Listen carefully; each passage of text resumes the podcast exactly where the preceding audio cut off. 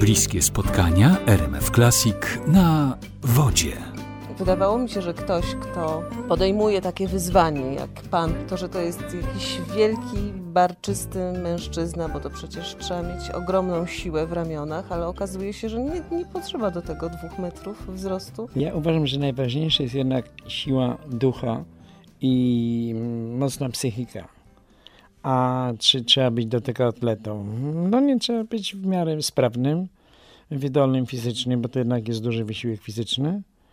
No i jak kiedyś jakieś tak wybierałem na różne wyprawy morskie klasycznym kajakiem, a pracowałem jeszcze w zakładach mniejszych Police, to dziennikarze mi się pytali, panie, a jak pan fizycznie się przygotowuje do wypraw? No jak trenuje? Czy na siłowni, czy gdzieś coś? A ja mówię, a ja codziennie przez cały rok do pracy dojeżdżam rowerem. No ale to przecież nogi wtedy pracują. O to właśnie chodzi. Bo gdybym ja dojeżdżał samochodem albo autobusem, a jeszcze trenował na siłowni górę, no to nogi w zaniku, a tak to proszę popatrzeć. Taki normalny wyglądam. No, no i tak do tego podchodziłem. A zresztą ja cały czas podchodziłem, podchodzę do tego, do mojej pasji kajakowej, jako do turystyki kajakowej. No, A turysta dziękuję. przecież Co za turysta? Nie, nie łazi na siłownię i tego, bo to jest coś nudne, nie? Powtarzać ileś tam setki razy te same czynności, nie? Ale pan to... wysoko stawia poprzeczkę turystom teraz? A, to racja, tak. Pan mówi, że rodzice byli taki, takimi osobami, które rozbudzały w panu ciekawość świata, ale pan ten świat poznawał na różne sposoby. I zanim dotarł pan do kajaka, latał pan na szybowcach, y, skakał ze spadochronem. Ja byłem bardzo ciekawy różnych form turystyki. Moja turystyka to się zaczęła się od turystyki rowerowej, piesza nizinna, piesza górska. A najwspanialszą moją pasją było szybownictwo. No, ale zostało mi z latania, bo tylko 250 godzin przelatałem. Nic nie zastąpi latania. Zwłaszcza szybowcami, jak się lata na przykład z ptakami w kominie, jakie piękne widoki były, jak pod koniec sierpnia, bociany w takim kominie, a komin to jest taki wznoszący się słup ciepłego powietrza, latały gdzieś tak po 20-30 bocianów, a ja wpadam w ten komin i próbuję im dorównać i gdzie tam nie ma mowy. One tak dobrze wyczuwały te prądy wznoszące, że bardzo szybko się wznosiły, no i chyba z wyższością patrzały potem na mnie, ale to wielka frajda z taką grupą ptaków sobie latać, obserwować je z bliska. A potem zachciałem poznać, jakie jest, to są emocje przy skoku spadochronowym. No, zdobyłem trzecią klasę skoczka spadochronowego. Nie zamierzałem być skoczkiem, ale no, chciałem poznać coś nowego. A w kajaki wpadłem dopiero jak byłem już starym człowiekiem, jak miałem 34 lata. No ale to wpadłem dosłownie na wspaniałej rzece Drawie. To jest moja pierwsza i ulubiona rzeka. Pierwsza taka wywrotka tam była z kompletem sprzętu, bo to wtedy się pływało kajakiem z wszystkim, całym wyposażeniem biwakowym, ale okazuje się, że wpadłem dosłownie i na wiele lat i mogę powiedzieć, że do dzisiaj pasją moją jest turystyka kajakowa. A jak pan sobie wyznaczał kolejne cele w poznawaniu świata w kajaku? Kiedyś w Polsce mieliśmy 49 województw. I ja byłem wiele razy na spływie kajakowym, międzynarodowym spływie kajakowym na Dunajcu i udzielałem tam kiedyś w telewizji, taki program był na zdrowie. I ja wtedy powiedziałem tak, ja już pływałem w 48 województwach. A w jakim pan nie pływał? W najmniejszym województwie w Polsce. Miejskim, łódzkim. To dlaczego pan tam nie pływał? No bo tam jest źródła rzeki Bzury i Neru, ale tam jest przemysł wykładniczy rozwinięty bardzo i te rzeki są bardzo zanieczyszczone to padł apel do Łodzian, oczyście te rzeki, żeby Olek mógł ostatnie województwo zaliczyć. Także Polskę staramy się poznać. Dawne województwo szczecińskie, no to wszystko, co tylko możliwe do spływania, nawet te, co niemożliwe. A potem naturalnie przecież coraz dalej, dalej, dalej. O, ja mogę powiedzieć, mam taki rekord niepobity do dzisiaj, taki turystyczny, chociaż w turystyce nie ma rekordów, że w jednym roku, mając normalny urlop, żeby można było to porównać, 26 dni urlopu, ja przepłynąłem 5125 km, ale z tego 5000 po nowych dla mnie pierwszy raz przepłyniętych odcinkach rzek. To było niesamowite. Ja byłem wtedy 108 dni na wodzie w ciągu roku. Oczywiście niektórzy mogli przepłynąć więcej, ale płynąc tam i z powrotem po jakimś powiedzmy małym akwenie. A u mnie to były nowe kilometry rzek. Co rodzina na to nie kręciła nosem? Wspomniana żona? Ja tak starałem się zarazić całą moją rodzinę, czy żonę i mam dwóch synów, kajakami. I mogę powiedzieć, że skutecznie zaraziłem, bo wszyscy lubią turystykę kajakową. Ja wcale nie miałem zamiaru ich zarażać aż tak, żeby byli takimi jakimiś zatwardziałymi turystami kajakowymi. Nie, na normalnym poziomie są. Żeby się z panem nie ścigali, tak? Nie, nie o to mi chodzi. A chociaż, powiem, że takim jednym z największych moich takich hmm, sukcesów życiowych, jeśli chodzi o turystykę kajakową, jest to, że razem z synami, startując w akademickich mistrzostwach Polski na rzece Kamiennej, to jest najtrudniejsza rzeka w Polsce, ona płynie koło Szklarskiej Poręby, zdobyliśmy dwukrotnie tytuł akademickich mistrzów polskich drużynowych e, w kajakarstwie górskim. Jako to frajda dla ojca, jak biegłem do rzeki i patrzę, jak mój młodszy syn płynie. I ja się tak cieszyłem i się darłem do kolegów. Jak fajnie płynie Czesiek, lepiej ode mnie, lepiej ode mnie. I ta radość, że lepiej ode mnie pływa, to mnie tak rozpierała. A po połowie trasy tak trochę mi było, że takie małe błędy popełnił.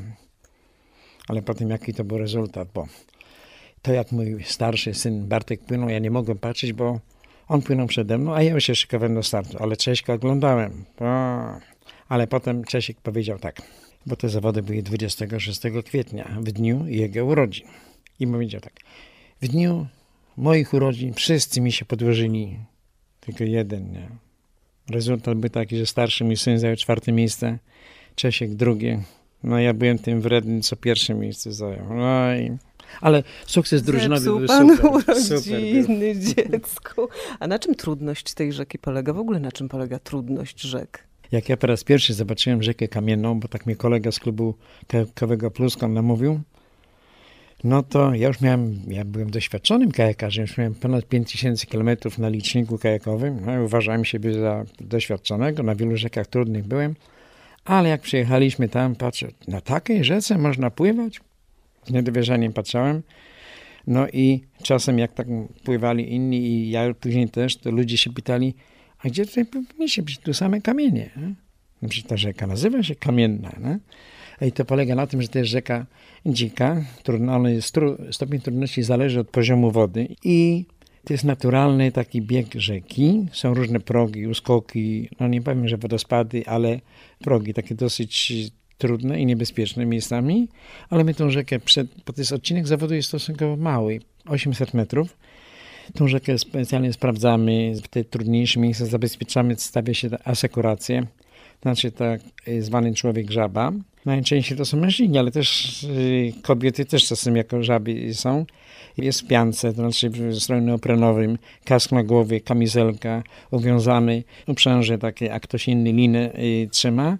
I jeśli koleżanka, bo kolega, który no, akurat w tym momencie się wywróci, to skacze się, łapie się no, zawodnika czy zawodniczkę, a ekipa na brzegu przyciąga tą całą dwójkę, a potem się ratuje kajak, wiosło, bo najważniejszy jest człowiek. Nie? I tu mamy taką wspaniałą i organizację i zaufanie do siebie, że wierzymy, że ja mogę płynąć bezpiecznie, bo ktoś z ekipy mi pomoże. No to jest taka solidarność kajakarzy górskich, to jest niesamowita i pomagamy sobie. Pan tu opowiada o takim kajakarstwie zbiorowym niemalże, a potem pan wsiada do tego kajaka i płynie sam przez Atlantyk. To Niemcy mają, te kajakarze niemieccy takie 10 złotych reguł i chyba pierwsza jest taka, że nigdy nie pływaj samotnie. Ja się zgadzam z tym. Ale przed takimi moimi morskimi wyprawami, które na kajaku innym niż na niż na sijaku podejmowałem, ja próbowałem mm, namówić kolegów do tego. I testowałem wielu kolegów, bo ja chciałem na ambitne wyprawy się wybrać. I to musiało być wiele i umiejętności, i czas, i sprzęt odpowiedni. I ja testowałem różnych kolegów, ale ja szukałem partnera. A partner to ja sobie wyobrażam w ten sposób. Płyniemy, mamy mniej więcej podobne umiejętności, możliwości, ale raz jeden jest lepszy, raz drugi i sobie nawzajem pomagamy ale jak się trafiało, że ja w zasadzie we wszystkim jestem taką niańką i opiekunem, no to na co mi taki partner, nie? Ja stawałem przed wyborem takim. Albo sam, albo wcale. No i podejmowałem no, trudne decyzje, ale starałem się wtedy bardziej rozeznać teren, na co się wybieram, na moją możliwość zabezpieczyć i mieć tą świadomość, że ten odcinek, co się zamierzam, czy w ogóle cała trasa czy nie stwarza za dużego zagrożenia. Bo ja sobie zdawałem, że niektóre wyprawy były ryzykowne, ale ja siebie nie uważam za ryzykanta, że szukam coś takiego, żeby a, uda się albo się nie uda, tak na hura. Nie. I ja kalkulowałem ryzyko tak, żeby na starcie i przed wyprawą, żebym był pewny, że wszystko zrobiłem i to jedynie jakieś niespodzianki żywiołu, które mnie zaskoczą, to, to mogą być, bo to na 100% nigdy nie jesteśmy pewni. Ale to, co mogłem się przygotować, starałem się zawsze. No i, bo dla mnie takie, no niby to jest truizm, że najważniejsze jest życie, potem zdrowie, no a reszta jest potem drugorzędna. Kajakarz. Aleksander Doba w bliskich spotkaniach RMF Classic. Przygotowanie fizyczne to polegało też na tym, że byłem bardzo chętny poznawania nowych technik. Ja na wielu szkoleniach byłem, jak widziałem, że coś jest nowego, czegoś nie znam, starałem się dotrzeć do tych ludzi, czy na szkoleniu być, nabywać umiejętności. To jest takie moje określenie. Bezpieczeństwo bierne i czynne. Bierne to jest takie, że na wielu spływach wymagana jest nałożyć przed płynięciem kamizelkę i cały czas płynąć w tej kamizelce. No, co się stanie, wywracam się, ta osoba nie powinna utonąć, bo będzie pływać, nawet jak straci gdzieś przytomność, no powiedzmy uderzając się w coś. Nie? I to jest bierne, bo nic nie robi i, i pływa na wierzchu, na, na wodzie. A czynne to ja uważam takie, że umiejętności kajakarza są na tyle wysokie, żeby nie dać się żywiołowi i na przykład na rzekach górskich, jak się pływam, to jest bardzo ważna taka umiejętność eskimoski, że jeśli żywioł kajak wróci do góry dnem, to kajakarz nie, potem mówimy, że ktoś musi się kabinować, że i kajak to jest jest pozycja stabilna, do góry dnem se płynie i trudno go odwrócić. I ktoś się wykabinował, znaczy opuścił ten kajak. A eskimoska polega na tym, że nie opuszcza się kajaka, to najczęściej jedynkami ma się fartuch nałożony i odpowiedni ruch biodrami pod y, wodą i ruch wiosłem, że wstaje się i może płynąć dalej. Doskonali się te umiejętności. No, często robimy takie zajęcia na basenie zimą. No, ćwiczymy te eskimoskie podpórki, coś. Ja czasem jak hmm, latem jest upał, mam kajak jedynkę i tak dla ochłody robię, a jak jeszcze tak w pobliżu ktoś tam jest, nie, to tak trochę, żeby mm, zaszpanować, a że płynę taką śrubą głowę nad wodą, głowę pod wodą. Tak jest, trzy obroty w lewo, trzy obroty w prawo. No i tak patrzę, czy gapie widzą, podziwiają. Bo to jest tak przypominanie sobie tego, bo to muszę no, nie tylko tak pokazowo no, na jeziorze, gdzie jest woda tak zwana twarda, ale że te elementy trzeba zrobić w wodzie górskiej. Gdy woda jest napowietrzona, to jest bardziej miękka i nie ma takiego oporu na wiośle i się trudniej wstaje, a jeszcze tak emocje i, i, element jest taki na trochę strachu i inaczej się dzieje w akcji takiej. No to, że trzeba mieć te obroty nie na 100%, tylko gdzieś na 150%, że w tych trudniejszych warunkach to wszystko musi wyjść. Polecam nauczyć się eskimoski, ale bardzo ważne jest nie dać się wywrócić w ogóle i umiejętność podpórek, płaskich głębokich, że nawet jak ja już się wywracam, żywioł mnie wywraca, już leżę weźmie płasko na wodzie, podpieram się wiosłem o wodę i wstaję. No po prostu nie daje się wywrócić. I te umiejętności, ja tak określam bezpieczeństwo czynne. Po prostu nie daje się wywrócić. No i po co pływać obok kajaka, jak ja mogę dalej sobie płynąć normalnie, nie? Pływał pan rzekami, a czymś innym jest Bajkał, czymś innym jest Bałtyk i czymś innym jest Atlantyk. To jak się pan uczył tych akwenów? Kiedyś w Polsce zabronione było pływanie kajakami po morzu naszym, a ja i tak pływałem.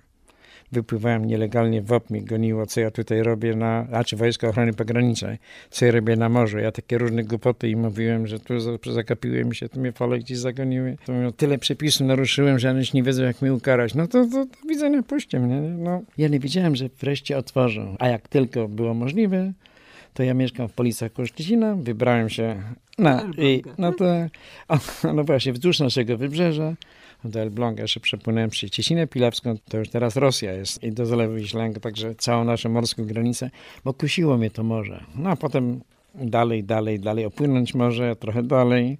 No to jest taka chyba naturalna chęć turysty, poznać coś dalej. I wtedy specyfikę pływania po morzu nabywałem sam umiejętności, bo u nas w Polsce nikt nie pływa po morzu. Nie byłem, tak byłem jednym z pionierów, jednym, bo ja mówię, że całkiem pionierem. A jak ludzie pytali się, jak się nauczyć pływać po morzu? Wybierz na szkolenie górskie na rzece Białce, gdzie Byszcze Kraków, z Krakowa jest taki wspaniały klub, robi szkolenie. A na górskie? Tam ciebie nauczą, jak to wyczuć w kajaku, jak nim dobrze pływać, manewry i ratownictwo, a specyfika pływania morskiego jest takie no, małe doszkolenie. Teraz taka polska baza szkoleniowa po drugiej stronie Bałtyku, w Szwecji. Grzegorz Ruzikiem prowadzi. Tam jest y, wiele kajaków, no chyba jest 20 kajaków morskich, wspaniałe tereny, bo to szkiery Sztokholmu. No polecam tam się wybrać. A Grzegorz jest wspaniałym y, szkoleniowcem, ma świetne umiejętności. Także jak ktoś chce popływać po morzu, tak naprawdę to polecam tam bo bezpieczne pływanie po morzu wymaga jednak doświadczenia i najlepiej jak przekaże to osoba, która umie, zna i sposób taki na prosty, łatwy na, i nauczy. No to jest też wielka, wielkiego rodzaju frajda, umieć pływać po falach. To są bliskie spotkania w RMF Classic. Spływamy. Ja często cytuję słowa Sir Ernesta Shackletona, to był irlandzki badacz i polarnik z początku XX wieku z tym, że ja w jego powiedzeniu jedno słowo zmieniam. Pierwsze, y, morze, ja zmieniam na woda, to, to jest bardziej uniwersalne. On mówił morze, a ja powiem woda to jest żywioł, którego nie zwycięży się nigdy. Można być jedynie niepokonanym.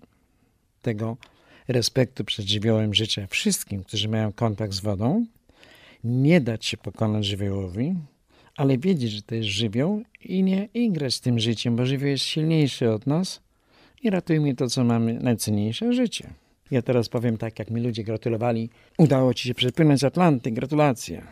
Mi się nie udało przepłynąć Atlantyku. Jak to? Nie przepłynąłem? Przepłynąłem. Ale ja zrealizowałem dobrze przygotowaną wyprawę. Atlantyk przepłynąłem, nie dając się pokonać. Właśnie o te tajemnice tego nie dania się pokonać chciałam pana zapytać. No bo przecież Zawsze pan jest w dobrym humorze? O, i tutaj powiem tak. Mam taki, taki patent, ja się z tym patentem, no może nie patent, wynalazek. Dzieliłem się tym wynalazkiem z innymi, bo ludzie mi się pytali, jak można ze mną mieć łączność na oceanie, czy tam coś mi tam przekazać. Ja mówię, będę miał telefon satelitarny, można będzie porozmawiać, wysłać SMS i coś, ale to wszystko jest drogie. Ten mój wynalazek taki polega na tym, żeby miał taką wielką antenę, czynną 24 godziny na dobę i taki duży akumulator, i będzie można mi dobrą energię, dobre myśli przesyłać bez użycia elektroniki za darmo. To jak to działa? Wystarczy sobie dobrze pomyśleć i tą dobrą energię z dobrymi myślami, życzeniami przesłać mi telepatycznie. Ja wtedy wielki akumulator będę ładował, ładował tak jak najwięcej, żeby tego było. A miałem też taki mały, na ujemną energię. Nie? Jak jakieś sztormy gnębiły coś, to energia ujemna rosła, ale dodatnie malała ale ani razu ujemna mi nie przywyższyła dodatnie. Czyli inaczej biorąc, ani razu nie miałem kryzysu czy coś takiego momentu załamania. A czego na wodzie się mm, pan najbardziej obawiał? Mówi pan, że nie jest ryzykantem, więc na pewno rozważał różne niebezpieczeństwa. Ludzi czy przyrody? No zdecydowanie ludzi. Ja mam też dyplom kapitana żeglugi wielkiej. Taki prawdziwy dyplom. Takie, takie małe literki honoris causa bo na Akademii Morskiej w Szczecinie kapitanowie autentycznie wręczyli mi go i potem tak mówią do mnie, a panie kolega, panie kolego, nie oni tacy dostojni w mundurach, ale w rozmowie wyszło tak, że on jest takiej wysokości mostka z kilku pięter, to tak jakby ten kajak, jakby katastrofa była taka, nie? Także mnie się nie odważyli nawet wejść, nie? No ja ich rozumiem, nie? Bo oni w takim wielkim, bezpiecznym pudle, a ja tak blisko wody. Ale ten kajak miał takie dwie, bardzo oceaniczne, dwie bardzo ważne cechy. Był niezatapialny, znaczy miał kilka komór wypełnionych materiałem lekkim, sztywnym, nienasiąkliwym wodą. Ja tak ludziom tłumaczę, że tak. Gdyby otworzyć wszystkie włazy, znaczy właz do kabiny, właz do komory bagażowej, a w pierwszej wyprawie miałem jedną komorę bagażową, a w drugiej już dwie, i na przykład te trzy włazy otworzyć, podziurawić kajak w wielu miejscach, te komory podziurawić nie? na wylot, zatopić go całkowicie. On nie mógł zatonąć. W sumie był lżejszy od wody i musiał wypłynąć. A drugi ważny, druga ważna cecha, nie mógł pływać do góry dnem. W przypadku, gdy go fale obróciły dnem do góry, on musiał sam stawać do pozycji takim dnem na dół. No to miałem wspaniały kajak. Duży kajak, y, ale mimo wszystko i tak głupinka w porównaniu z tymi statkami, które przepływały. Tak. Ten kajak, którym pływałem z innymi, no to jest y, z innymi kajakami jest duży, ale z porównaniu z jachtami, czy mówię ze statkami, to jest faktycznie maleństwo. I z tymi wszystkimi jednostkami pływającymi na oceanie, to No coś To małego. trzeba było uważać. To oni bardziej na pana uważali? Jak to było? Mnie było trudno trafić. To mały kajak, no jak to coś ma mały cel, to jest trudno trafić. Chociaż miałem takie przypadki, że próbował jak duży statek, tak, no nie próbował, ale niechcący taki latający Holender współczesny, jakby staranować. Ja nie widziałem żadnego członka załogi, to w dzień oni mnie nie widzieli też. Przepłynął obok mnie 30 metrów z pełną prędkością, takie emocje były duże, bo ja widzę, że zbliża się tam, wali prosto na mnie, ale to, ale jak Andrzej Armiński, znaczy właściciel stoczni, gdzie buduje jachty i w jego stoczni został zaprojektowany i zbudowany kajak, to w Szczecinie, jak mi mówił tak, Olek, gdyby ten kajak chciał tak na środku oceanu jakiś statek tak rozjechać, że tak powiem, to nie dałby rady. A dlaczego?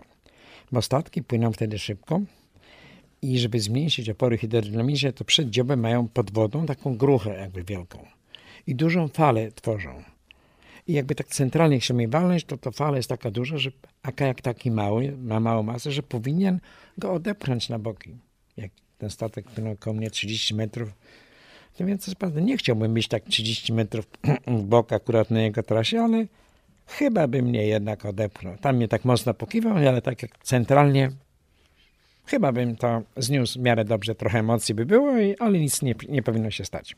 A po powrocie z takiej ekspedycji to pan przede wszystkim odsypia ją? Jeśli chodzi o spanie, to, to tak, mm, ja w zasadzie stale odczuwałem takie uczucie niedosytu, snu i wypoczynku. Bo na tym kajaku jednak nie można się tak yy, dobrze wyspać, bo fale są bardzo nieregularne.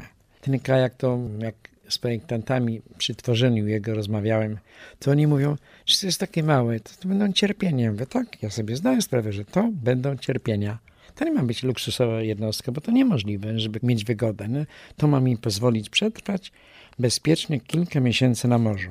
No i to mi zapewni ten kajak, a o komforcie nie było mowy. I na przykład to spanie to było tak gdzieś na raty, w ciągu nocy gdzieś tak dwie, no trzy godziny to chyba najdłużej spałem tak jednym ciągiem. Wstaję, patrzę, czy nie ma jakichś e, świateł, bo światło to jak jest ciemno, co no widać, że powinien być statek, a jak nic nie ma ciemno, to dobra, wszystko w porządku. To dalsza rata snu. Co prawda na tej drugiej trasie mojej wyprawy między Europą a Ameryką Północną, która trwała 167 dób, miałem 8 sztormów. Najdłużej mnie sztorm 3 doby trzymał. No to w sztormie nie sposób jest y, podrzemać sobie nawet, nie? czy pospać. O, tylko męczenie się jest takie, że o, no straszne. Ale cóż, ten potem minie i mogę odpocząć. To, było, to był ten brak, który pan odczuwał najbardziej na wodzie? Czegoś normalnego? Najbardziej to brakowało takiego codziennego chleba zwykłego, polskiego. No i ziemniaków, takich no zwykłych, ubranych i ugotowanych. To, co mamy tak na co dzień. Po kilku miesiącach, nie wiem, to to jest luksus. A czy trzeba się później przyzwyczajać do takiego normalnego życia, w którym na przykład nie kołysze na lądzie? Ja mam dość dużą zdolność adaptacji się do różnych warunków, a zresztą wszyscy ludzie łatwo się przyzwyczajają do czegoś lepszego niż ma większej wygody. Trudniej się do niewygód przystosować. No ale jak w domu, to co w domu czy gdzieś w hotelu, jak, bo jak skończyłem wyprawę 19 kwietnia, wróciłem do domu mm, a miesiąc później, no to byłem y, na lądzie w Stanach, no to tam w różnych miejscach, w domach prywatnych, w hotelu gdzieś, no to łóżko duże, szerokie, nie kołysze, no to luksus, no to, to, to nie miałem żadnych problemów ze spaniem, czy tam powiedzmy z wygodą, no. Co taki wyczynowiec jak pan będzie teraz robił? Y, Ja gdzieś trzy tygodnie temu zostałem zaproszony razem z żoną do Warszawy na wywiad do telewizji Dzień Dobry TVN. Andrzej Armiński powiedział mi tak, Olek, to będzie chyba najlepszy moment, jak wtedy oficjalnie powiesz, co ty dalej planujesz z tym kajakiem. No i ja wtedy byłem przygotowany, miałem jego zgodę i żona siedzi z lewej strony mnie, a tutaj rozmowę prowadzimy. No i padło takie pytanie. Ja tam nie wiedziałem, jakie będą, ale tak spodziewałem się. I byłem przygotowany i od razu, tak powiem, z grubej rury powiedziałem. Chciałbym tak za półtora roku znowu się wybrać na Ocean Atlantycki, na trasie takiej między kontynentami, ale z kontynentu Ameryki Północnej do kontynentu Europy, konkretnie z Nowego Jorku, gdybym dał radę to do Hiszpanii czy Portugalii. No i to był taki oficjalny zaprezentowanie tego. No żonę trochę tak sparaliżowało. Pierwszy Ale- raz to usłyszała? Tak, ale dopiero zaczęła mi głowę suszyć, jak wyszliśmy ze studiów. Co ty mówiłeś, bo na wcześniej mówię, że żadnych innych wypraw. No ale już słowo padło i, i co miałem zrobić? Chciałbym do tej wyprawy doprowadzić, ale mam dwa duże problemy. By zmniejszyć opór żony, bo całkowicie mi się go nie uda przezwyciężyć, no i zdobyć odpowiednie fundusze.